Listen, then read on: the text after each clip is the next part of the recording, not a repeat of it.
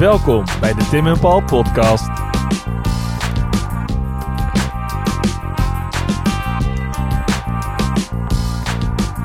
Tim en Paul lazen iets in de krant over een woord dat juist wel of juist niet gebruikt moet worden. En er is nogal wat om te doen geweest. De nieuwe tentoonstelling in het Rijksmuseum over de Indonesische onafhankelijkheid. Maar hoe zet je zo'n tentoonstelling nou eigenlijk in elkaar? Welke keuzes worden gemaakt? En wat zijn de discussies die dan gevoerd worden? We nemen een kijkje achter de schermen met Marion Anker, junior conservator geschiedenis en medesamensteller van Revolutie.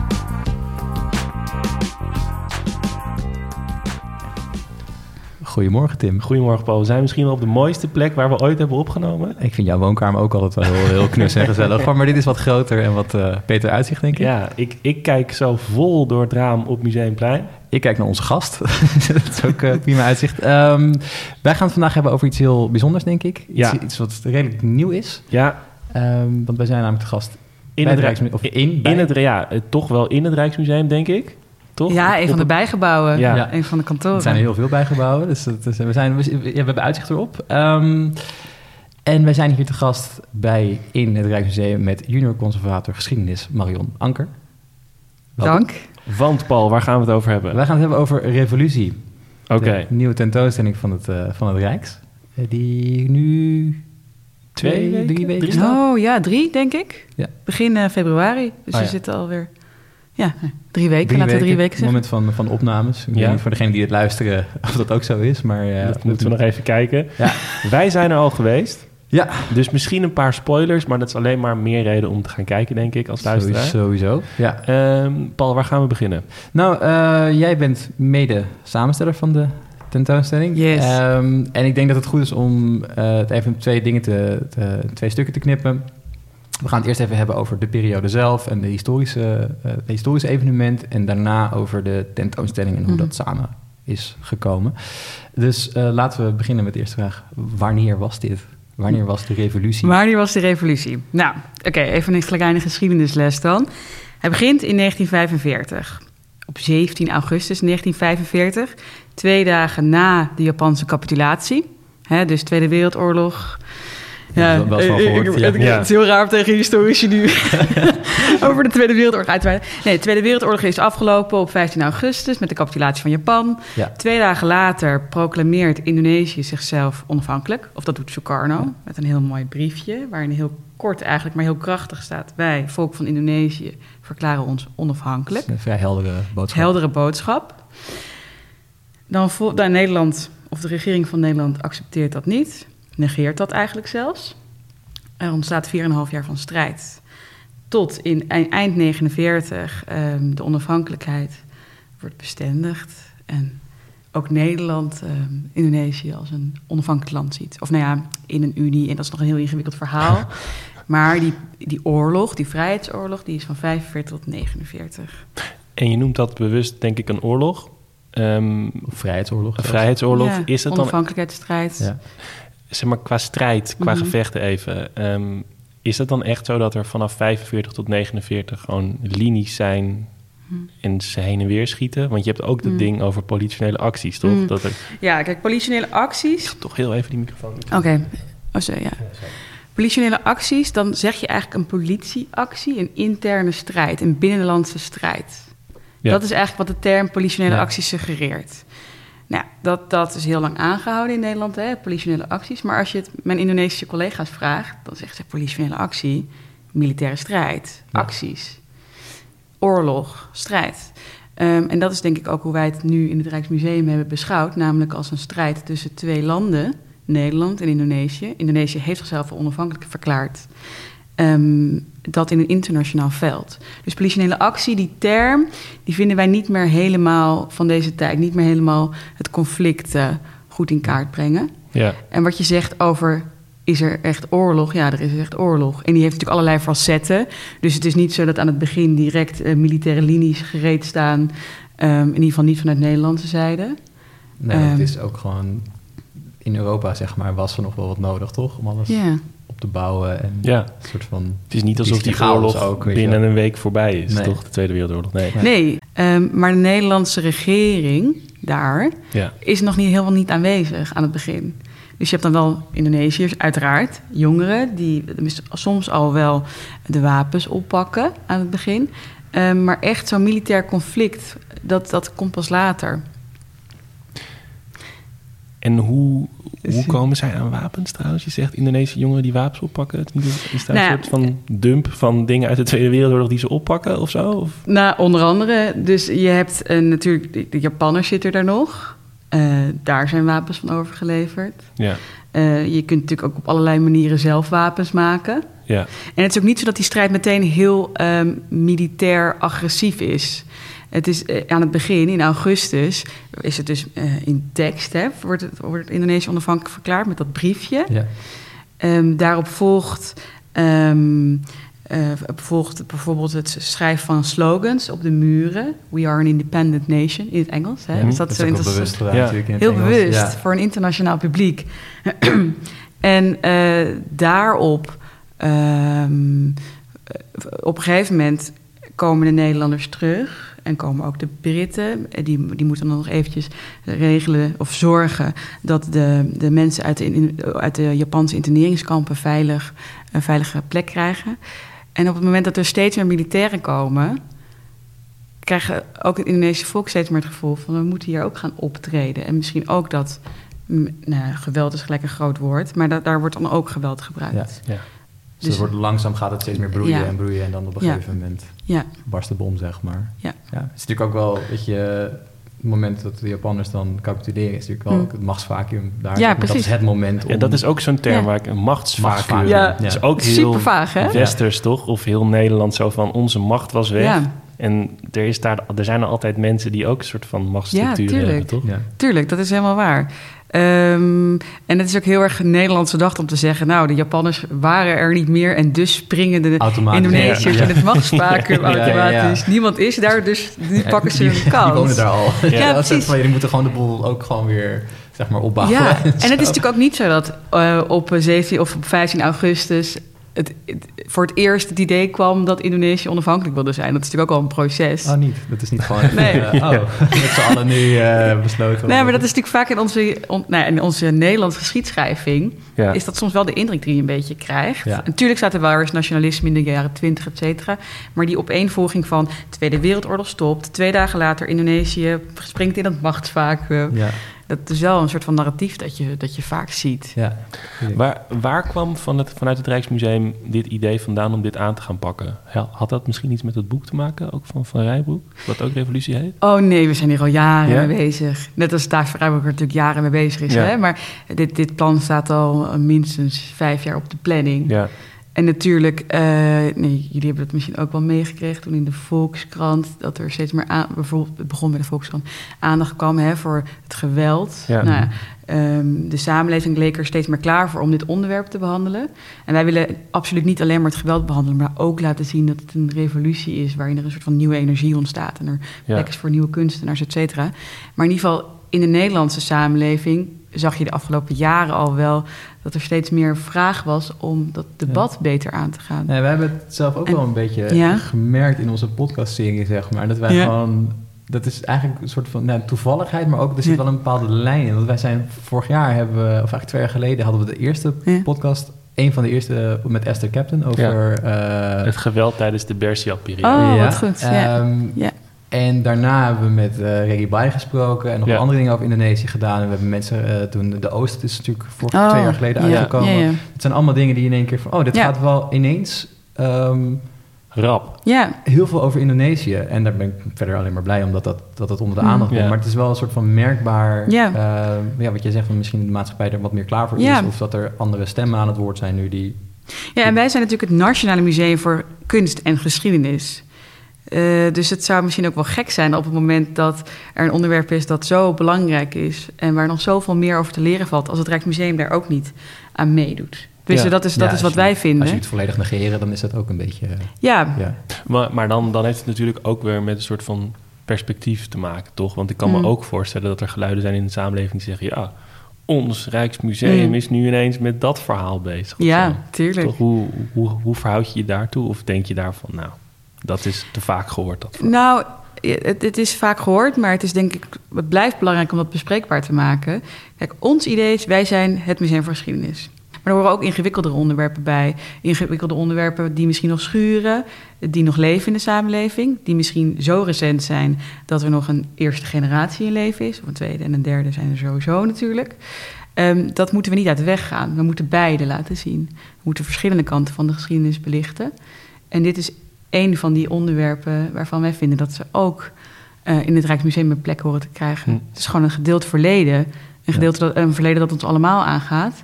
En dan moet er uiteraard niet alleen in het Rijksmuseum plaats voor zijn, maar dan moet er ook in het Rijksmuseum plaats voor zijn. Ja. Dat, dat vinden wij. Ja. En heb jij dan het idee dat het, het, het Rijksmuseum moet zeg maar de, de maatschappelijke trend volgen? Of is het meer dat jullie de trend willen... Nou, set is misschien een beetje te, ja, een soort van te hippe term, zeg maar. Ja, maar je, maar kan ook, van... ja. Ja, je kan ook kiezen als museum dat je Mm. iets agendeert bijna. Dat je Mhm. denkt, nou, dit vinden wij toch zo'n belangrijk onderwerp. De maatschappij is er misschien niet helemaal klaar voor, maar we gaan het toch doen. Mhm. Of ehm, is het dan meer volgende dat je denkt, nou, de maatschappij is er nu klaar voor om... en wij kunnen misschien die duiding geven. Ja, het is denk ik een beetje van beide. Dus enerzijds, wij zijn onderdeel van de maatschappij. Mhm. Wij staan ook gewoon in de maatschappij en dat willen we ook graag. Eh, en dus eh, kijken we heel goed wat er in de maatschappij gebeurt en haken we daarop aan als het iets is waar wij iets mee kunnen. En soms agenderen we. En ik denk dat we bij deze tentoonstelling hebben we een beetje van beide gedaan. In die zin, het leeft al in de samenleving. Ehm, en wij hebben misschien bepaalde onderwerpen geagendeerd die nog niet op de agenda stonden. Hm. Of die het debat misschien verbreden. We hebben natuurlijk het onderzoek van het KITLV, NIOT en NIMH. Eh, dat gaat heel erg over geweld. Eh, wij, hebben, wij zijn een museum, dus wij hebben ook een plek waar we kunst kunnen tentoonstellen. Dus we zien het als onze taak om ook dat verhaal te vertellen over de kunstenaars in de revolutie, Ja. bijvoorbeeld. Dus, en ik denk dat het met heel veel onderwerpen is die het Rijksmuseum behandelt, een beetje agenderen, maar ook vooral kijken wat er in de samenleving speelt. En dus ook relevant zijn als museum. Ja. Eh, maar dat, dat zullen jullie in, jullie in jullie werk ook merken, toch? Ja, dat nee, dat tuurlijk, tuurlijk. Maar het is wel, het is soms wel een, een discussie dat je... ehm, hoe activistisch je moet zijn. Ja, natuurlijk. precies. En Ja. omdat, je dan, omdat er ook wel geluiden zijn die zeggen... ja, wij, wij agenderen niet, maar we faciliteren of zo. Mhm. En wij faciliteren alleen maar... Het, en we willen zelf daar niet, niet een stelling in, in innemen. Ik denk dat dat niet echt kan... omdat je in de selectie daarvan eigenlijk ook al ontzettend... Ja, je bent niet neutraal als Nee, museum. nee. Dat kan gewoon niet. Nee, Nou, dat is natuurlijk, zeg maar, dat is heel lang natuurlijk de gedachte geweest, Mm. ook, ook bij historisch hebben, het neutrale verhaal. Maar dat is, dat is natuurlijk gewoon onzin. Nee. Het is gewoon, er is geen enkele manier wat, wat ik zou schrijven dat dat neutraal is. Want dat is Nee. altijd mijn pers geldt Ja. voor jou en voor jou natuurlijk. Nee, ja, tuurlijk. En je kunt natuurlijk wel zorgen, je kunt je er wel bewust van zijn, denk ik. Volgens mij is dat de eerste stap. Je als je bewust bent als museum dat je niet neutraal kan zijn, dan kan je in ieder geval wel zorgen dat je verschillende stemmen bijvoorbeeld binnenhaalt, mee samenwerkt, ehm eh, behoort, Ja. dus in gesprek gaat.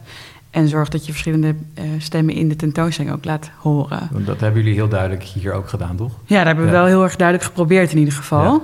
Ehm, Ja, want misschien is dat wel Ja. een mooi bruggetje naar, naar, naar de tentoonstelling en de samenwerking. Ja. Want jullie hebben... eh, jij bent betrokken als samensteller, maar ook met een collega van jou binnen het museum. Maar er zijn ook twee externe conservatoren bij betrokken, toch? Ja, dus we hebben Harm Stevens, eh, Ja. conservator bij de afdeling geschiedenis. Ehm, maar we hebben, en, en, en ik dus, vanuit die, wij die hier dus eh, in deze gebouwen een beetje ons werk hebben gedaan. Eh, maar misschien nog wel belangrijker, we werken samen met Bonnie Triana en Amir Siddhartha, historicus en kunsthistoricus. Allebei woonachtig in Jakarta. Ehm, dus we hebben het echt met z'n vieren gemaakt. Het is echt een, een, een gezamenlijk project van vier conservatoren.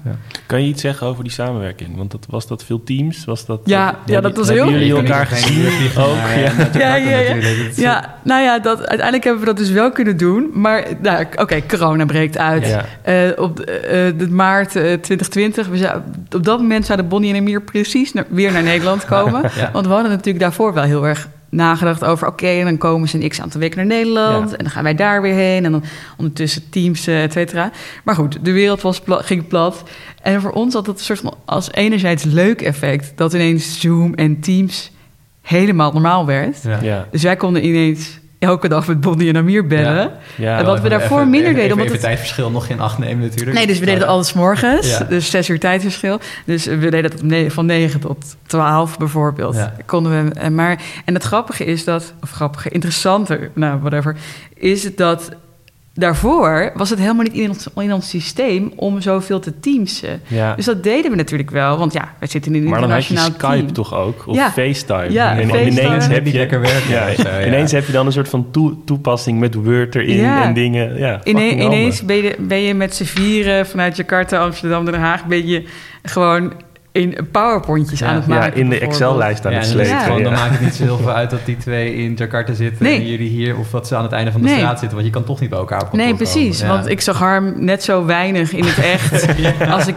Amir zag in Ja. het echt. Dus we waren ineens een heel gelijkwaardig team wat dat Ja. betreft.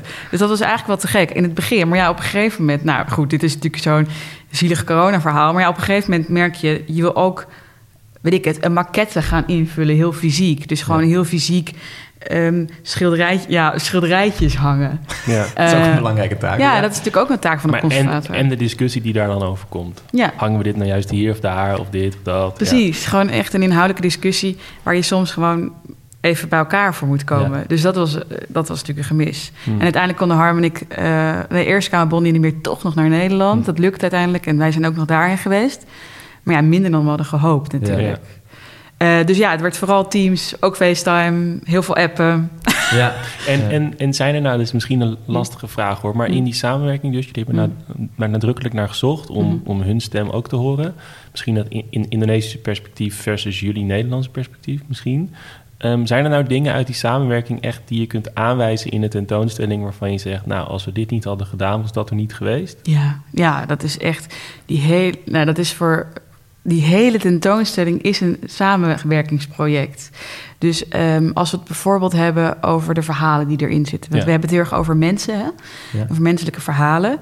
Ehm, elk mensenverhaal is door een andere conservator opgebracht. Ja, Ehm, en eh, nou ja, bijvoorbeeld om maar even over mezelf te spreken. Voor mij is het veel makkelijker natuurlijk om een Nederlandse bron te lezen. ja, Ehm, of met een Nederlandse nazaat in contact te komen. Die kan ik bellen, dan kan ik een leuk gesprek mee hebben, kan ik langs gaan. Maar dat geldt voor Bonnie en Meer geldt natuurlijk eh, omgedraaid. Zij kunnen veel makkelijker met Indonesische nazaat in contact komen. Dus de Indonesische verhalen die erin zitten, Hm. nou, die zijn aan hen te danken. Maar het was ook heel grappig, want soms was het omgedraaid. En kwam eh, Amir met een Nederlandse nazaat. Eh, dus het hoeft natuurlijk niet zo zo te zijn nee, dat je per se dat Nee. hebt. En wat wel het mooiste is, denk ik, aan die, of nou, een van de beste dingen, is dat we heel veel Indonesische bruiklenen hebben. Ehm, en die hadden we. Ik, verwacht, ik heb niet verwacht dat wij die zelf vanuit het Rijksmuseum Ja, alleen de Nederlandse conservatoren hadden kunnen regelen. Laat staan vinden in eerste Laat staan vinden, ja. Ja. Misschien is het goed om even, daar even bij stil te staan, want een Ja. museum, eh, is heel logisch, is anders dan een artikel. Ja, Dus je moet dingen laten zien ook. ja. En eh, je hebt daarvoor spullen nodig. Nou, nu Ja. is het Rijksmuseum natuurlijk een vrij grote collectie Vrij van veel spulletjes. vrij Nee, nee, ja, veel maar dingen. niet, niet van dit onderwerp, Nee, hè? precies. Dus je moet wel dan, als je oké, vijf jaar geleden zijn we gaan bezig met dit onderwerp. eh, ik kan me voorstellen dat jullie heel veel VOC-dingen hebben bijvoorbeeld. Of Mhm. heel veel, weet je wel, Nederlands-Indië-dingen. Ja. Maar dat het op dit vlak gewoon echt een stuk Ja. minder is. Dus dan moet je natuurlijk eerst gaan kijken eh, van wat hebben we, wat kunnen we. Mhm. En ja, hoe ga je dat dan versterken met dingen uit eh, qua bruiklenen Ja. en zo. Dus dan moet je natuurlijk ook een hele zoektocht naar Ja, vinden. absoluut. Ja. want wij hadden echt... eh, ik, nou, hoeveel objecten zijn er uit onze eigen collectie? Ik denk dat uiteindelijk van de persoonlijke verhalen... eh, volgens mij... Ja, we hebben de Mohammed Toa's. Dat is een, een, een schilder, een jongetje van elf. Hij krijgt de opdracht van zijn schildermeester Dula... om de, de, de oorlog in zijn stad, Yogyakarta, vast te leggen. En dat doet hij aan de hand van kleine schetsjes. Ja. Eh, moet hij op straat dan gaat hij dat schetsen. En dat is eigenlijk heel gevaarlijk, dus hij werkt het thuis uit. Ehm, nou, dat is een van de objecten die wij zelf hebben. En we hebben nou, nog, nog een paar objecten, maar het meeste hebben we dus geleend. Wij Hm. konden echt geen tentoonstelling maken van onze eigen collectie. Ehm, nou ja, en wat ga je dan doen? Inventariseren eerst. Wat is er überhaupt? En waar ligt dat dan?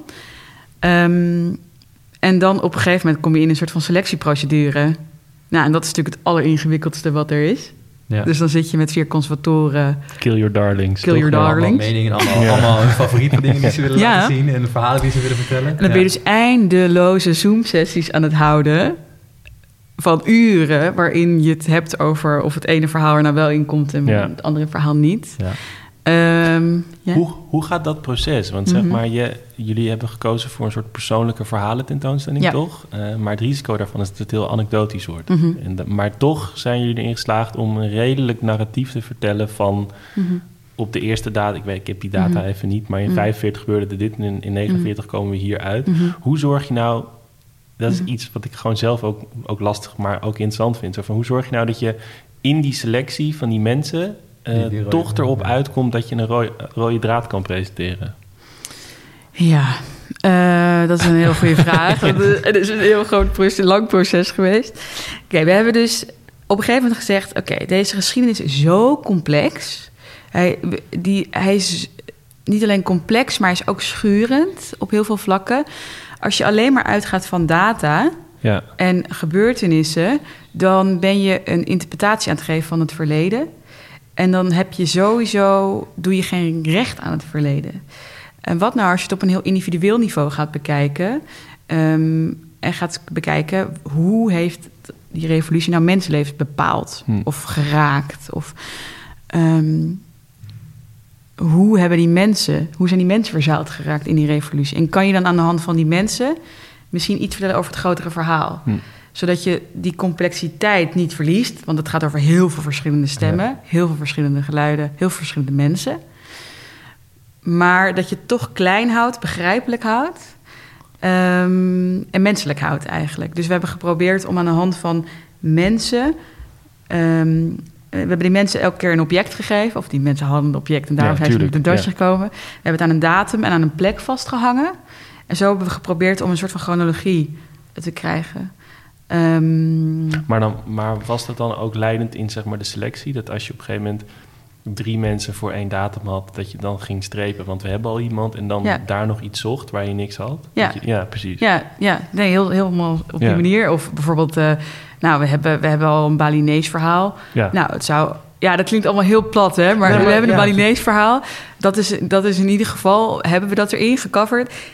Oké, maar het zou ook heel leuk zijn als we nog iets van Sumatra hebben. Ja, nou, nou, het, het, Dat is wel- het klinkt heel plat, maar het is, het is juist vanuit die benadering dat je recht wil doen aan complexiteit. Kan het niet anders dat Ja. je Ja. daar toch een soort van lijstje van bij Ja, als je het inderdaad heel cynisch bekijkt, dan is het gewoon... oké, we hebben een checklist Hmm. en we willen één verhaal van... eh, uit 1946 van. Bali en eentje uit 48 van Sumatra. En dat je dan, oké, check, check. En nu hebben we een goede tentoonstelling. Maar dat is natuurlijk niet... Ja, nou, Ja. Als het, zo- dat is natuurlijk een beetje een onderdeel ervan. Je, je bent er wel op aan het letten. We hadden bijvoorbeeld eh, nou, vrouwen in de revolutie. Ja. Ik bedoel, 50% is vrouwen. Maar het, het, op de een of andere manier is het toch makkelijker om een object van een man te vinden. Hm. Ehm, op de een of andere manier hebben die meer nagelaten. Of hebben ze een. ehm, hebben ze. Nou, zijn die verhalen in ieder geval bekender. Dus het was voor ons best wel lastig om een soort van evenwichtige vrouw-man balans erin te krijgen. Maar dat, dat was toch ook de oplossing dat je dat, dat bundeltje brieven had van die militair? Ja, ja precies. Dat is één. ja, ja, zo van, je, je, even voor de context, dat was een Mm. bundeltje brieven van een militair die in, Ja. in, India aan het ve- in Nederlands-Indië aan het vechten was. En die schreef heel veel naar huis, toch? ja, Maar als je, dat zou je kunnen benaderen vanuit die man. ja. Maar dan is juist de uitdaging om het vanuit die vrouw toch te doen. Ja, precies. Dus om, Ja, om ja. dat maar als voorbeeld te nemen, hè, van, dat is het verhaal van Janke en Klaas Bruinsma. Hij is oorlogsvrijwilliger, hij gaat naar Indonesië, eh, zit daar 3,5 jaar. En in die 3,5 jaar schrijft hij zijn vrouw in meer dan 7000 kantjes. Nou, een onschatbare bron van informatie, ook een aantrekkelijk object. Want het is een soort van bamboe mandje en daar hebben we een selectie van brieven dan in en foto's. Niet eens alles. Hè. Nee, nee, nee. Ik bedoel, het zijn echt dozen vol. Ja, vet. En ehm, nou, het een oorlogsvrijwilliger, dat is nou een van de verhalen die best wel bekend is in Nederland. En dat is ook, kan je best wel goed vinden, zo'n object. Dus we hadden al meer verhalen over oorlogsvrijwilligers. En toen Hmm. dachten we, oké, maar wat nou inderdaad als we het hebben over de ontvanger? En over degene die dat eh, dus ook meekrijgt, maar dan vanuit Friesland. En dan Ja. hebben we ineens een vrouw eh, die de hoofdrol kan spelen. Dus ja, zo hebben we inderdaad... We hebben bijvoorbeeld over deze heel lang nagedacht. Van, Ja. ehm, werkt dat dan? Mag je eh, haar eh, de hoofdrolspeler maken, dat het zijn brieven zijn? Nou, wij vonden dat het Ja. mocht, Ja, dat kon. Ja, maar Ik- hij, hij schrijft het aan iemand, toch? Dus Ja, precies. De ontvanger hoort daar ook bij, ja. Ja, en het zegt ook iets over dat die strijd groter is dan Indonesië. Ja. Dus dat er in Nederland ook een... eh, Ja, want er zit in Friesland zit iemand Ja. te wachten op... precies, Ja. met twee kleine kinderen. Ja. Ja, Ja, ik, ik heb zo een Mm. keer in, eh, bij het Airborne Museum iets Ja. gedaan over iemand die daar gesneuveld was, maar Mhm. die nog wel brieven naar huis had geschreven. Mhm. Eh, en dat zijn moeder of zo hem een briefje schreef op de dag dat hij dan dood was. Weet je wel? Dus Ja. ook zo'n soort verschillend Ja, ja, ja, perspectief, ja, maar waardoor je het wel breder trekt. Want dat is Ja. het ding, toch? Anders wordt het zo'n anekdotisch verhaal van Ja. iemand die daar aan het vechten is. En, Ja, ja, maar dat had ook gekund. Hij was bijvoorbeeld... eh, hij, hij, hij, even kijken, hij zat op Java... en hij heeft echt wel heel veel geweldshandelingen Hmm. meegemaakt. Dus het was ook, dat hadden we ook kunnen doen. Maar ja, dit, nu hebben we hiervoor gekozen. Ehm, maar wat we er nog wel mee zaten... die rol van Janke Bruinsma is vrij passief. Zij ontvangt. Maar Ja. je wilt natuurlijk eigenlijk ook ehm, actieve vrouwelijke ja, het spelers hebben. heel stereotyp van Dus- de vrouw die thuis ja, wacht op de man die terugkomt. Ja. Ja, dus, dus we waren ook heel erg ehm, hoopvol dat we in ieder geval ook een actieve vrouw konden toevoegen. Ja. En dat, heb, dat is dan ook gelukt in de hand van, aan de hand van Tanja Desentier, een vrouw ehm, die, eh, die ervoor koos om Indonesisch te worden. Oh Ze was, ze was ze kwam uit Den Haag, ze had eh, Indo-Europese roots. Ja. Haar, ze had familie over de hele wereld. Ehm, zij kiest ervoor om Indonesisch te worden. En ze wordt dan onderdeel van het grote netwerk van de leiders van Indonesië. Sukarno Hatta, ze kenden ze allemaal. En zij gaat dan de wereld over om de Indonesische revolutie te propageren. Hmm. Ze sprak heel veel talen, dus ze kon heel goed internationaal netwerken. Nou, dat is een heel Ja. boeiend verhaal van een actieve vrouwelijke rol. Ja. Ehm, maar dat is lastiger dan een actieve mannelijke rol vinden. ja. Dus Ja. je moet er wel voor waken dat je dan eh, ja, dat je het allebei behandelt. En dan hebben we het nog niet eens gehad over de verschillende groepen die in Indonesië Nee, natuurlijk dat zijn. is natuurlijk ook, want we hebben het nu nou, Nederland en Indonesië, zeg maar. Maar Indonesië is natuurlijk, dat zijn op zich, ik weet niet hoeveel eilanden dat zijn, maar dat zijn er best Duizenden. veel. Duizenden. duizenden. Ehm, Ja. En dan is het wel een soort van, ja, de, de, de beleving op Mm. Java is misschien heel anders dan in Sumatra. Ja. Maar misschien ook nog wel in Noord-Java is het heel Ja. anders dan in Zuid-Java bijvoorbeeld. Of, Ja. Weet je wel, Ja. om nog maar te spreken over de situatie op de Molukken, zeg maar. Ja. Dus, weet je wel, dus het is natuurlijk allerlei... Het is echt zo'n moeilijk onderwerp. Ja, en dan als je bijvoorbeeld alleen op de stad Jakarta neemt, als je het even in moderne termen zegt, zo'n stad is multicultureel. Ja. Eh, je hebt niet zoiets als de Nederlanders tegen de Indonesiërs. Je hebt er, je hebt er Chinezen. Eh, je hebt er Molukkers die misschien voor de Nederlanders eh, aan de Nederlandse kant staan. Maar je hebt ook Molukkers die aan de Indonesische zijde staan. Hm. En je hebt natuurlijk de grote groep Indo-Europeanen. ja. Eh, het is zo'n ingewikkelde bevolkingssamenstelling.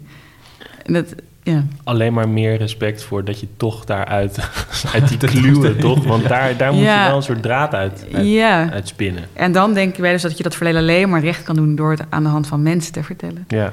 Mensen die het meemaakten. ja, je moet het dan gewoon kleiner maken, toch? Of gewoon Ja. behapbaarder maken, Ja. denk ik. Ja. Ja, je zou kunnen zeggen, door het heel klein te maken verlies je het overzicht. En dat is misschien op sommige plekken zo. En dan moet je je afvragen, is dat erg dat je het overzicht verliest? Wil je een geschiedenis vertellen waarin je bijvoorbeeld gaat zeggen... nou, 46, eh, akkoord Lingajati...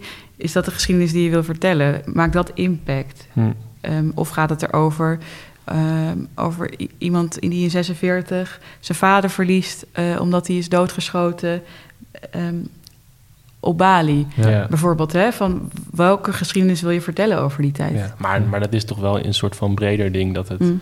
in de geschiedschrijving veel minder gaat inderdaad om de jaartallen en de posities van Mhm. de regimenten en de pelotons. Het gaat toch veel meer om een soort van persoonlijke ervaring om iets te kunnen begrijpen eigenlijk. Ja, ja dat, dat ben ik met je eens. Toch? Dat, ja. Maar niet iedereen is dat nog. Nee. eh, of nog. niet iedereen heeft die, deelt die Ja. mening. Ja. Nee. Eh, want sommige mensen verwachten natuurlijk ook, eh, en dat is ook een goed recht, meer feitelijke kennis. Ja. Want het- ik snap ook heel goed dat op het moment dat je vrij, dat het onderwerpje nog niet zo bekend is, Ja. dat je op zoek bent naar een soort. Wat is er eigenlijk gebeurd? Nee, dat is natuurlijk Ja. wel wat gevaar inderdaad. Want even heel flauw gezegd, Mm. Tim en ik die houden ons al vaker bezig met geschiedenis. En wij Ja. gaan naar de tentoonstelling en wij kunnen ongeveer wel plaatsen wanneer Ja. dit is. En wat, Mhm. wat, ongeveer wat voor krachten er aan, de, Mhm. aan, aan het spel zijn, aan het spelen zijn. Eh, maar als je daar niks mee hebt, Mhm. of je denkt, nou ik ga maar gewoon een keer naar het Rijksmuseum op een zaterdagmiddag, want het is lang geleden. En je komt er terecht en je hebt niet echt een achtergrondkennis. Mhm. dan is het natuurlijk wel het risico wat je dan krijgt. Van ja, oké, dit zijn heel veel verhalen en die zijn heel indrukwekkend. Ehm, maar ja, wat, wat zegt het eigenlijk dan, Mm. zeg maar? Behalve dan dat het heel naar was voor die mensen... of juist dat er mooie dingen uit zijn gekomen. Ja. Of eh, weet je wel, dan, dan heb dat risico heb je natuurlijk wel.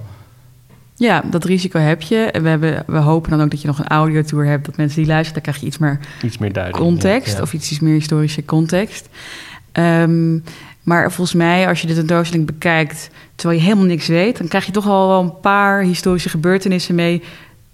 die echt wel vormend zijn. 17 augustus, 45, daar beginnen we heel duidelijk mee. Ja. Dus ik Ja. hoop dat jullie dat ook op die Ja. manier hebben gezien. Ja, dat is volgens mij nog, nog voor de eerste zaal staat. Dat, Nee, ja, eh, dat staat er ook ja. op. Maar het- dat is ook echt de eerste zaal. Daar hebben we Ja. alleen maar één fotootje van de, de proclamatie. Dat is een heel uniek fotootje. Van het moment, toch? ja, Echt, van het ja. moment. Dus één, oh, er waren meerdere fotografen aanwezig, maar er is maar eentje overgeleverd. Eén fotootje van het moment. Daar gaan we echt in op dat specifieke ehm, moment. Ook aan de hand van de persoon. Maar je- die datum krijg je wel mee. Ja. En zo zijn er denk ik nog een paar thema's die je meekrijgt. Een thema van geweld, een thema van kunst, een thema van diplomatie, Hm. een thema van informatieoorlog. Waardoor je toch hopelijk een klein beetje een inzicht krijgt in die geschiedenis. beetje voortbordurend op de vorige vraag hoor. Hm. Maar hoe, hoe ge- zijn jullie omgegaan met doelgroep en voorkennis? Hebben jullie daar nog echt actief over nagedacht? Zo van, oké, ehm, we verwachten dat dit soort mensen komen. Of eh, met deze voorkennis. Of juist wel Indië veteranen, juist geen. Of Hm. hebben jullie geprobeerd om gewoon iets universeels te maken? Van wat je net zei, dat iedereen wel iets oppikt in die grote lijn. Ik denk dat je niet een universele tentoonstelling kan maken. Dat je altijd doelgroepen hebt.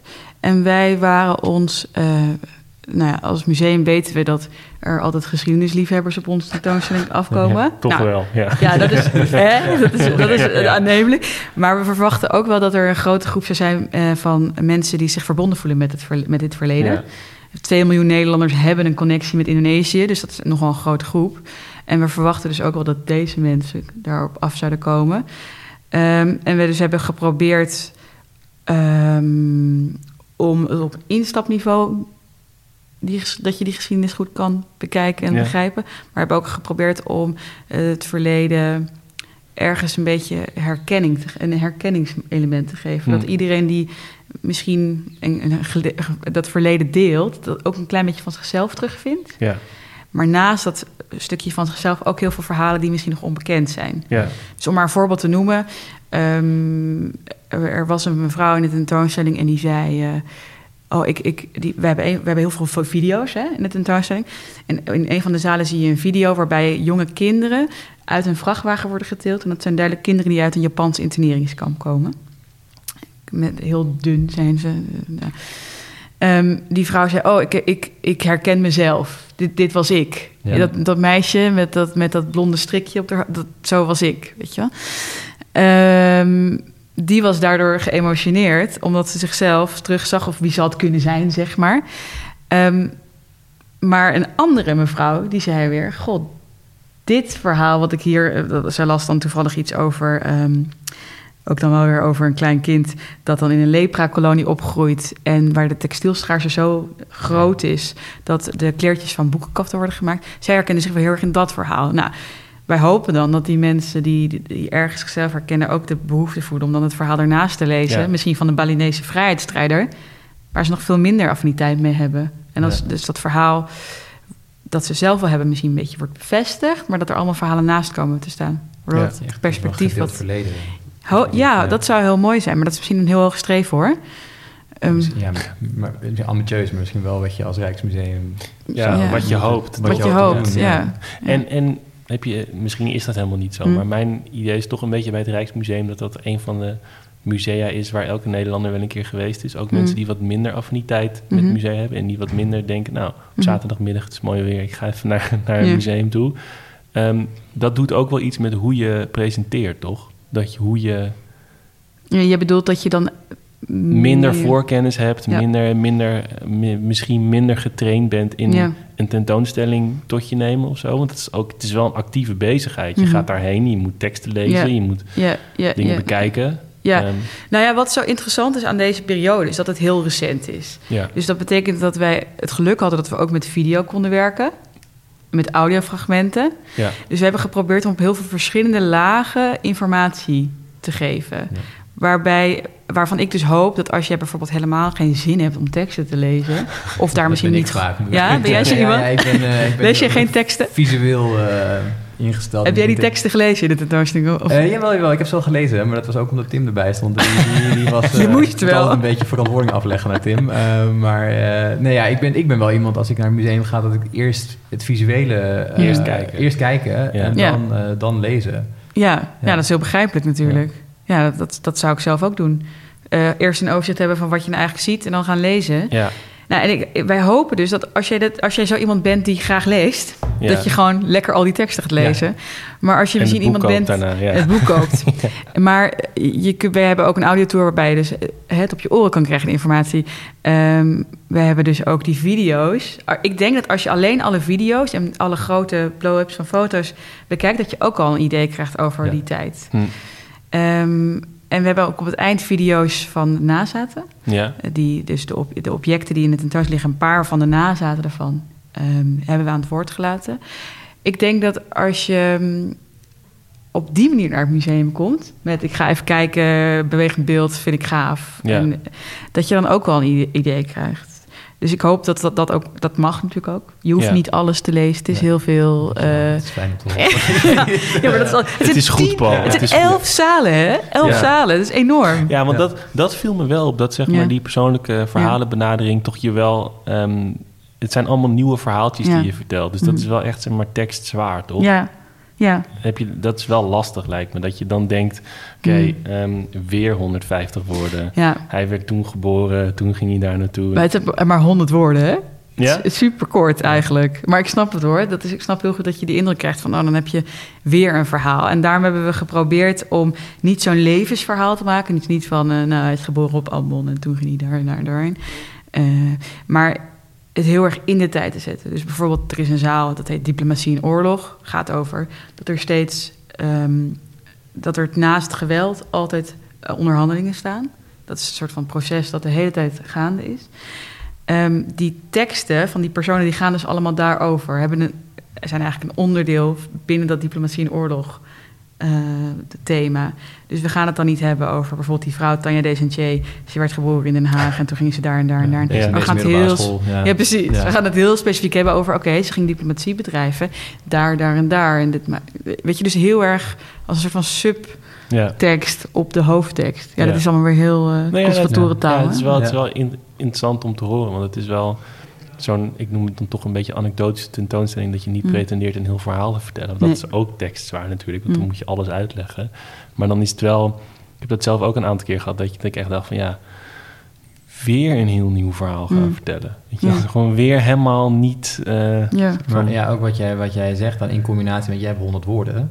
ja. En een tentoonstellingstekst schrijven is gewoon best wel... Het is gewoon een taaie klus.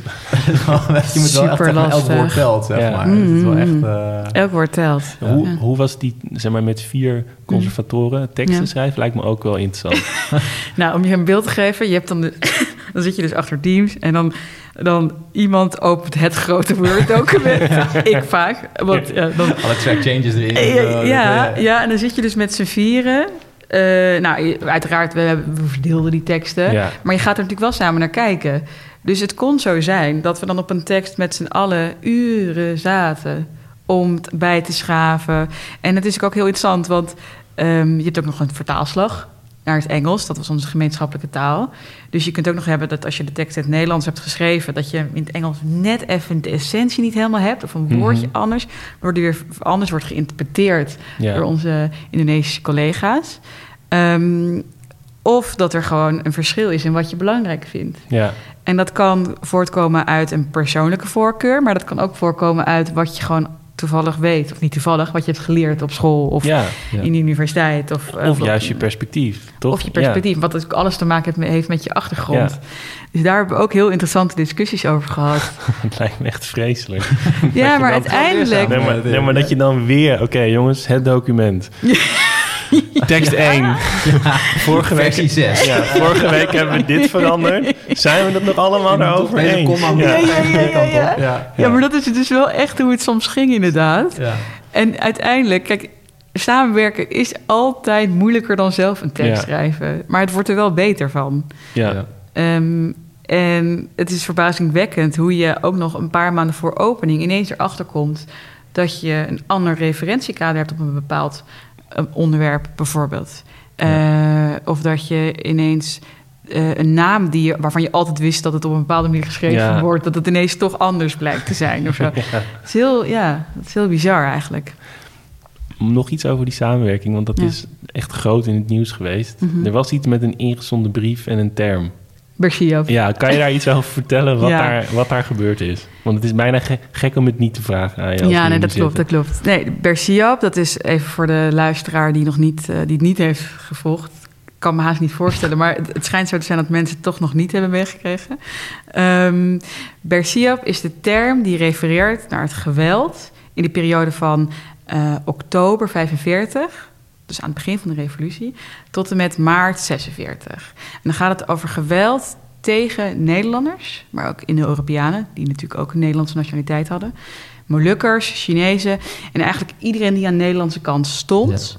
Of daar dus van verdacht werd. Want als je ervan een- verdacht werd, dan kon het ook wel zijn. Dat, dat geweld tegen die groepen, daar gaat Bersiab over. Het was een strijdleus toch ook? Ja. Ja, Geef acht betekent wees paraat. Dat, dat zou een strijdleus is dat die gebruikt wordt door Indonesische strijders. Ehm, en eh, mijn collega Bonnie Triana heeft daar een stuk over geschreven... waarin hij eigenlijk vertelt over hoe Indonesië naar die term kijkt. Die term is vrij onbekend in Indonesië.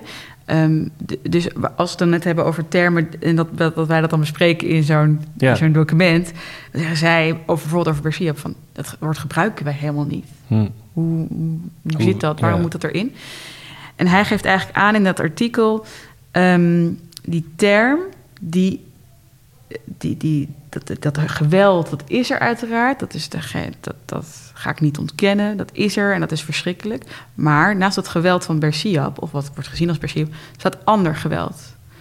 Dus het is niet alleen geweld in die periode... tegen die groep die ik net noem, dus aan de Nederlandse zijde... maar het is ook geweld tegen Indonesiërs. Hm. En ook het geweld tegen Indonesiërs aan Indonesische zijde. Of Indonesiërs die aan de Nederlandse zijde stonden. En wat hij ook nog zegt, dat geweld stopt niet in maart of in, de- in het voorjaar van 46. Dat geweld is de hele periode van de revolutie gaande. Ja. En ehm, als we dus of als we het geweld in die periode goed willen duiden, dan volstaat de term Bersiab aan zich niet. Nee. Dat, Dat is een te, te smalle term. Ja. ja, Ja. precies.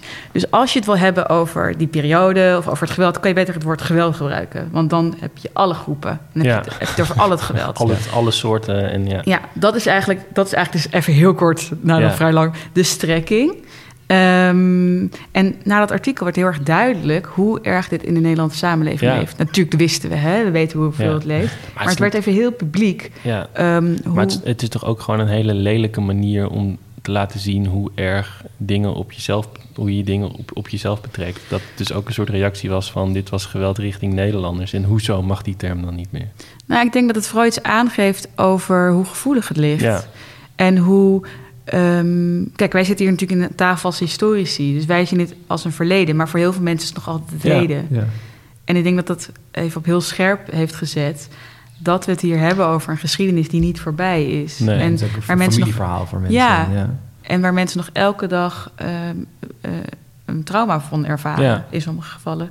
Of in ieder geval nog gaan denken. Of waar ze familie hebben verloren, et cetera. En het is natuurlijk heel jammer dat het dan zo gepoli- eh, nou ja, ja, toch wel echt eh, gepolariseerd Ja. wordt in de media. En dat, dat het dus echt lijkt te verkampen zijn. Want het is natuurlijk niet zo dat wij dan het geweld niet erkennen. Nee, en ik, ik begreep ook, ook niet zo goed ehm, of nou die term wel of niet gebruikt zou gaan worden. Mhm, Want dat ja. werd ook een beetje diffuus. Je werd ook een beetje vaag, hè? Ja, Ja. van wel die term, niet die term. En toen Ja. waren we er en toen stond hij gewoon daar wel in de tentoonstelling. Ja. Eh, we, we hebben het over. wij- zeggen dat we die term ehm, niet actief gebruiken. Ja. Dus in een, als we, als je een te- we zouden niet een tekst schrijven met tijdens de Bersiab vond dit, vond dit plaats, maar zouden zeggen het geweld in die periode. Die, ter- die periode wordt ook wel door Ja, groepen precies, geduid ja, als Bersiab. dus meer als een ja. soort van reflectie gebruiken we die term wel. Maar niet als het aanduiden van die periode. Hmm. Om, de, om de reden die, die ik dus net noem. Dus dat Ja. het niet een term is die al het geweld... eh, En gewoon helemaal niet representatief is. Of, Nee. ja. Ja, Het Nee. is gewoon wel een veel logischer zeg maar, verklaring en een betere uitleg dan Op nos.nl Dat precies stond, wat ja. ik in mijn, eh, mijn tijdlijn... eh, want ik dacht meteen, want wij hebben dus dit- dit- Ja. een aantal jaar geleden... is met- waar, ik net, waar ik in het begin al naar refereerde met eh Esther Captain... Een, Ja. eh, podcast genomen over Bersidab. Ja. En dacht ik, oh shit, dan moeten we even die naam gaan veranderen, weet je wel. Oh. Ja, erbij meteen, Nee, maar eh, ook, het eh, is ook maar echt, wij, zijn niet, wij gaan niet bepalen welke woorden er wel en niet gebruikt nee, dit- mogen nee, worden. komt het wel een beetje... eh, Tuurlijk, ja, dat, dat is het jammere. Van, kijk, wij, gaan, wij, zijn niet, wel- wij bepalen niet welk, welke woorden we gebruiken. Wij schrijven geen woordenboeken en we bepalen daarin niet. Maar wij eh, interpreteren dat verleden natuurlijk ook op een bepaalde manier. En wij kiezen daardoor daarbij dus voor om het woord niet te gebruiken. Maar dat Maar is niet wel schrappen. Nee, maar het niet- is wel een, een statement het een, het als keuze. het Rijksmuseum ja. zegt... we doen dit niet of Ja. we doen dit op een andere manier. Dus ik Ja. snap ook wel weer een beetje de fus daarover. Ja, Dat, zeg maar, ja, even flauw gezegd... jullie zijn wel de duiders van de nationale kunst, nee, kunst en, ja, en, maar het interessante is natuurlijk ook dat op een gegeven moment ehm, ehm, was er ook weer een andere groep die, die zei: "Ja, maar als jullie de term wel gebruiken, Ja. dan doen jullie ook geen recht aan het verleden. ja. Hebben jullie dat ook meegekregen? Ja, ja. Dat, is, Dat Jeffrey Ponda? Ja, ja, Jeffrey eh, van Ponda, alle kanten ja. werden jullie aangeklaagd. en zo. dat was Ja. een soort van, oh, oké. Ja. Wel ja. is niet goed, niet is niet goed. Ja. Dus Nee, van- dus nou ja, het zegt alleen maar denk ik Ja. hoe, hoe ehm, gevoelig het ligt en hoe we bezig zijn ook met terminologie. ja, En hoe woorden ertoe doen ook, hè? Ja. ja. Nee, dat, ja, dat is natuurlijk ook heel belangrijk, denk ik. Het is een supergevoelig onderwerp, nog steeds. Eh, en ja, wat, de woordkeuze is daar wel gewoon altijd heel belangrijk Ja, bij natuurlijk. En, eh, ja, maar de Ja. woordkeuze zegt ook stiekem zoveel over hoe, hoe je die geschiedenis ziet. Ja, dat is het toch ook gewoon. Ik zit jou aan te kijken, want wij hebben hier ook Ja? ervaring mee. mee hebben jullie gehad. ook een woord? eh, Ja, dat, is, eh, dat was een dingetje. Ja, Dat, dat- eh, Welk woord was we dat? Gaan we, Of gaan mag we het hier, eh, ja, ja, Ja, nou ja, dat moet nu wel een beetje. Ja, moet nu we, wel een hebben, we hebben een, ehm, voor degenen die het nog niet gehoord hebben, we hebben een, eh, een, een podcast over Anton de Kom eh, Mm. gemaakt. Strijden ga ik bij de KRO NCRV. mhm. En dat was natuurlijk een heel mooi project, dat was een professionele radio en zo. En op een gegeven moment komen wij erachter van ja, er staat er een woord in de teksten van Anton de Kom in Wijslaaf van Suriname. ja, Eh, en ja, nog, nog even goed om te zeggen, we hadden de citaten van, Mm. van uit het boek hadden wij geselecteerd Mhm. en daar een soort van bloemlezing door een Surinaamse stemacteur laten inspreken. Mm. En dat klonk super tof. Maar wij hadden die selectie gemaakt. Ja, Mm, en dat woord, mm. eh, dat is het, het, N- het N-woord natuurlijk. Mm. Nou, wij gaan het in de, in de, wij zelf onder elkaar gebruiken dat natuurlijk niet. Nee. Maar het was op een gegeven moment ook, ja, maar we betalen nu wel een Surinaamse man Mhm. omdat, om dit woord dan Oh, wel ja. namens ons te gaan wij het niet Ja. durven. En, en, en het, het meest heftige was dat we toen de eerste edit van de eerste aflevering Ja. terug hoorden, Mhm. waarin dat super mooi geproduceerd was. Mhm. En toen had de Caro ook nog een beetje geschoven in de volgorde. Mhm. Dus het eerste wat je van die citaten hoorde was gewoon zo BAM! Oh, Ja. ja. en toen ja, dachten ja. wij ook van, nou, ja, dat shit, is wel even shit, heftig, zeg shit, maar. dit Dus hier moet... moeten we wat mee. Toen hebben we dus gekozen omdat... En dat is, dit is denk ik echt twee, drie weken voor, voordat het allemaal af Mm. was, zeg Ja. maar. Mm. En voordat het online stond. En ehm, daar zijn we uiteindelijk met heel goed overleg zijn we daar gewoon uitgekomen. Maar het was wel van... We moeten hier wel even op ingrijpen, want anders hebben we, Ja. echt, een, eh, hebben Ja. we echt een probleem. En ik ben heel blij dat we dat gedaan hebben op dat moment, hoe moeilijk het ook was. Ja. Een moeilijke discussie moeten Maar voeren. tegenargument is dat we daarmee wel tornen aan zijn tekst. En dat... Ja. Van Anton de Kom. Ja. ja. Ja, maar, maar taal leeft en taal en, en woorden krijgen andere interpretaties. En ik denk dat we eh, daar niet te puristisch in moeten zijn door het altijd bij het, het oude woord te houden. Mhm. Nee. Ehm, want op het moment dat de interpretatie van een woord verandert, of dat we met z'n allen, hebben- of met z'n allen, of een deel hebben besloten dat het woord discriminerend, racistisch of wat dan ook is, dan moeten we daar denk ik voor openstaan. Ja. Maar dat is een heel lastig gesprek.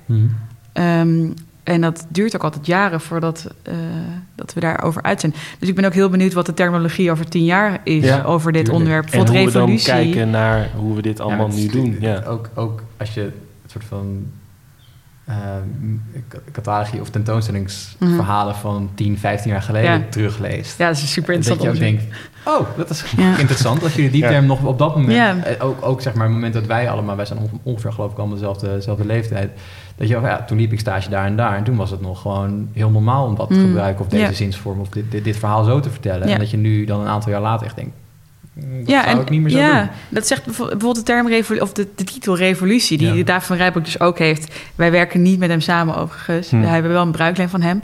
Eh, maar het is denk ik tekenend voor onze tijd dat we allebei dachten: dit is de term Ja. Om te gebruiken. Want dat, ehm, dat, dat is gewoon het Indonesische woord voor deze periode. Ja. Je hebt andere woorden ook hoor, en niet iedereen gebruikt het woord. Hm. Maar dit is op zich wel een heel gangbare term. Net als dat wij 80-jarige oorlog of zo als term hebben. Ja. Eh, wat zo duidelijk in het collectief geheugen zit, hoef je niet meer uit te leggen.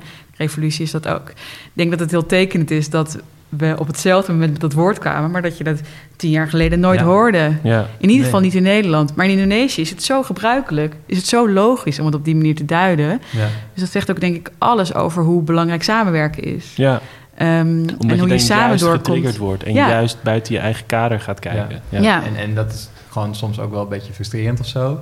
Ik, ik kan me ook wel voorstellen dat je dan, als je niet in dat proces bent meegegaan, in dat Mhm. gedachteproces, in dat spel, zeg maar, of die, die discussies mee bent gegaan, ehm, en je leest dit gewoon, Mhm. of je, je krijgt dit mee via, via de Mhm. media of via eh, een podcast. De of via mainstream de media. mainstream media. Mm. Ehm, dat je dan denkt, oh, wow. Weet je wel, dat je daar wel een beetje boos bent. Maar er zitten natuurlijk heel veel gedachten achter om dat wel of niet te doen. Het is niet soort van, nou wat je net zegt, je zit met vier mensen in zo'n bestand te werken, dagenlang, om te kijken of de, weet je wel, wat de, de context van die woorden zijn. Ehm, en dat, dat verschuift natuurlijk ook. En dan vervolgens krijg jij dat natuurlijk als museumbezoeker bijvoorbeeld niet per se Nee. mee. Het- nee, je ziet het bij- Je ziet het eindresultaat. eindresultaat, ja. Ja. Dus je zou eigenlijk misschien een nog transparanter proces willen. Of, Ja. of een korte documentaire Ja. op, weet ik veel, Ja. de socials. Dat je Ja, laat zien ja, ja, van, ja, ja. deze vragen hadden Vier wij. mensen achter in een- in een Word-bestandje. Ja. Maar weet je, het laat wel een beetje zien Ja. hoe je tot, tot het eindresultaat gekomen bent. En dat is helemaal niet gek, denk ik. Nee, Ook, zeker niet. ook, ook het idee dat er vier mensen Mhm. actieve selectie hebben toegepast... en Mhm. actief hebben gewerkt aan deze Ja. tentoonstelling. Dat mis je ook heel vaak. Ja, ja, ja, ja, ja. Ja, dat is denk ik ook echt iets wat, wat vrij misschien nieuwig is in de museumwereld. Dat er zo'n behoefte is om eh, niet alleen maar het product te zien, het Ja. eindproduct, maar juist dat proces. Ik denk dat het een heel goed idee is om dat zoveel mogelijk toe te passen. Praktisch is het niet altijd haalbaar Nee. misschien. Bij ons was het niet haalbaar, want inderdaad, je zit in twee landen, het is super saai om naar een teamscherm te kijken de hele tijd Ja. of zo. Maar eh, ja, het is wel... Zoom-recording Ja. dan in de film. Er is gewoon een muziekje eronder. Ja, ja, ja, ja, ja, maar het had misschien wel, ja, misschien voor de volgende keer. Ja, ja. ja. nee, ik, ik, ik heb daar ook nog he- helemaal niet over nagedacht en ik weet de vorm ook niet. Maar het, zou, het is bijna dat je denkt, het is ook gek dat in zo'n tentoonstellingstekst geen voetnoten staan of zo. Ja. Dat is het eerste wat je doet als historicus, maar ik snap ook dat het niet kan. Maar dan laat je Ja. wel zien welk... ze- welk Maar het is ook zo ingewikkeld omdat je zo graag alles wil uitleggen ja, en alles wil verklaren wat je doet. Maar je moet denk ik ook gewoon op een gegeven moment zeggen van dit is wat het is. ja, Ja. En mensen hebben helemaal geen, of niet iedereen, de meeste bezoekers hebben in ieder geval geen behoefte Nee. aan voetnoten. Nee, Die willen gewoon een mooie tentoonstelling zien. Ja. En op een interessant onderwerp, eh, wat, wat ze belangrijk vinden om eh, Ja. een middagje vrij voor te Ja. Die gaan niet voetnoten lezen. Nee, Nee. En als je wel voetnoten wil lezen, dan heb je de, het de catalogus, ja. Ja. Ja. Maar, het is, ja. maar meer zo van, dan neem je wel mensen mee Ja. in, in het proces. Wat, Ja. wat jullie heel duidelijk hebben, hebben ondernomen Ja. met elkaar. En wat Ja, en we hebben dat natuurlijk ook niet alleen met die vier conservatoren gedaan, maar ook met een hele grote groep mensen Ja. daaromheen. Vanuit de museumwereld en uit de academie. En ook mensen met eigen eh, familiegeschiedenissen. Daar hebben we natuurlijk al mee allemaal. Daar hebben we heel veel gesprekken mee gehad. Ja. Met heel veel mensen in Nederland en in Indonesië en internationaal. Hè. Dat is ook Ja. nog steeds een internationaal verhaal. Ja, want hoe is de... ehm, ja, is er een reactie vanuit Indonesië? Of eh, gaat dit gedeeltelijk ook naar Jakarta toe? Ik kan me voorstellen dat het misschien gaat Ja. reizen op een gegeven moment of zoiets. Of Ja, dat is wel de hoop. Ja. Ehm, en, en, en dat gaat dan het Rijksmuseum niet bepalen. Dus Hier eh, nee, niet zo van hier heb je een tentoonstelling. Dat, zo gaan we dat niet doen. Nee. Maar het is wel de hoop om verder samen te werken. Ja. Ja. Eh, en dat er ook een, een tentoonstelling in Indonesië komt. Maar dat is nog niet rond of zo. Het is Hm. meer de hoop. Ja. Het is weer zover, Paul. Ja. We zijn ru- ruim 50 minuten aan het praten. Ja. ja. Ik heb nog wel één vraag. Ik weet niet of jij nog... Ga je gang. Ja. Ehm, je zei net dat jullie niet zoveel collectie hebben op dit vlak. Dat die Mhm. tentoonstelling nooit gemaakt had kunnen zijn zonder bruiklenen. Mhm. Betekent dit ook iets voor jullie verzamelbeleid? Gaan jullie nu ook anders naar deze geschiedenis kijken qua collectievorming of, Jij bedoelt of we meer gaan aankopen of, of verzamelen verwerven? gewoon op dit vlak? Of denk je nu van ja, we hebben die tentoonstelling gemaakt. ehm, Nou, ehm, dit is een geschiedenis die zich voornamelijk ook in Indonesië afspeelt. Hè? Dus wij zijn niet van plan om nu uit Indonesië allerlei eh, verwervingen te doen. we hopen eh, dat Indonesische instellingen, zoals bijvoorbeeld het Nationaal Museum daar, Hm. National Gallery, dat zij, dat zij eh, verwerven. Ehm, dus wij gaan hier nu niet eh, allerlei objecten verwerven. Het is vaak zo dat er na een tentoonstelling misschien een paar verwervingen wel bij Ja. komen. Dat je dat misschien het gebruik leent. En dat het dan zo is van, nou, misschien is het mooier om het in jullie collectie te vatten. Maar we hebben daar nu niet een heel groot eh, plan concreet voor. plan? Nee, nee. Nee, ook omdat heel veel objecten die we laten zien echt familiegeschiedenissen zijn. Die eigenlijk het mooiste, het beste tot hun recht komen in de eigen Ja, woningen. Eh, dus die objecten moeten gewoon terug. Ja. Je moet gewoon terug naar de, de woonkamers Ja. van de mensen. Ja. Oké, denk. ja, mijn laatste vraag is eigenlijk heel praktisch. Ja. Eh, Zeg. Tot, tot wanneer? Is Oh, het de tentoonstelling? 5 juni, 5 juni. We hebben nog eventjes om... eh, Jullie hebben nog even. Ja, Ja, ja. Ja. en er is ook allerlei programmering en zo. Dus er is echt van alles te doen. Eh, en er is ook in het Indisch Herinneringscentrum een tentoonstelling. Of Indisch Herinneringscentrum Molux Historisch Museum in Den Ja. Haag. ja. Ja. De, en, en het Troopmuseum komt. Want dus, het is, gaat heel veel gebeuren Ja. de Ja, komende cool. tijd. ja, dat is wel echt eh, belangrijk, denk ik. En Ja, ik heb ja. er ook echt gewoon veel van geleerd van de tentoonstelling. Ik vond het super, super interessant. Dingen die ik niet, niet, niet, niet wist. En juist dat persoonlijke perspectief vond ik echt een toevoeging. Ja. Mooi. Ja. Fijn om te horen. Jij nog, nog laatste overweging? Nee, ik zat, ja, wij waren daar op een maandagavond en we hebben... Het is heel flauw. Ik lees namelijk geen teksten. Maar ik, eh, we hebben de afgelopen week eh, een satéetje gekregen Ja. en, een, eh, Ja. en een gehaktbal. Dus Ja. dat was echt... En- eh, en een biertje En een biertje. van het ja, dat was, heel Ja. fijn. Dus dit heeft jullie over de streep gehaald om nu positief te zijn. ja, ja, precies, dat was het inderdaad. Dus overigens moet ik er wel bij zeggen, deze podcast is niet gesponsord. Het lijkt een beetje, maar dit is niet gesponsord door het Rijksmuseum. We zijn Nee. nog steeds eh, onafhankelijk hier eh, te gast. Ik bedoel, eh, dank voor jouw tijd en jouw, jouw komst Ja, nee, natuurlijk. tuurlijk, Maar ja. wij worden hier niet soort van stiekem We gesponsord. moesten nog eens bijkomen. Nee, Ja. nee. Eh, dus nee, dat klinkt misschien een beetje zo, maar dat, dat is dus niet zo. Dat is gewoon echt een interessante tentoonstelling. Ja. Ik ga het zien. Ja, tot, wat zijn nou, 5, 5 juni. 5 juni. Ja. Als ik het goed... Ja, nee, 5 juni. Ja. 5 juni. Oké. Ehm, heel erg bedankt voor jouw verhaal en je kennis en je tijd. Graag gedaan natuurlijk.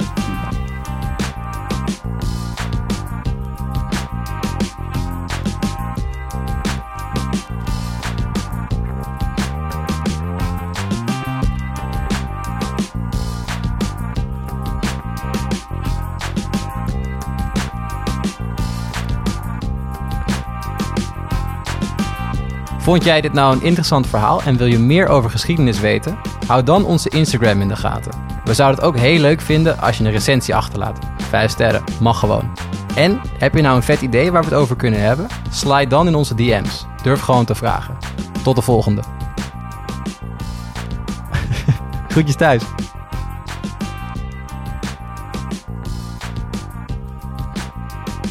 Je luisterde naar de Tim en Paul Geschiedenis Podcast. Een onafhankelijke podcast gemaakt door Paul de Jong en Tim Streefkerk. Muziek door Mart Jenninga.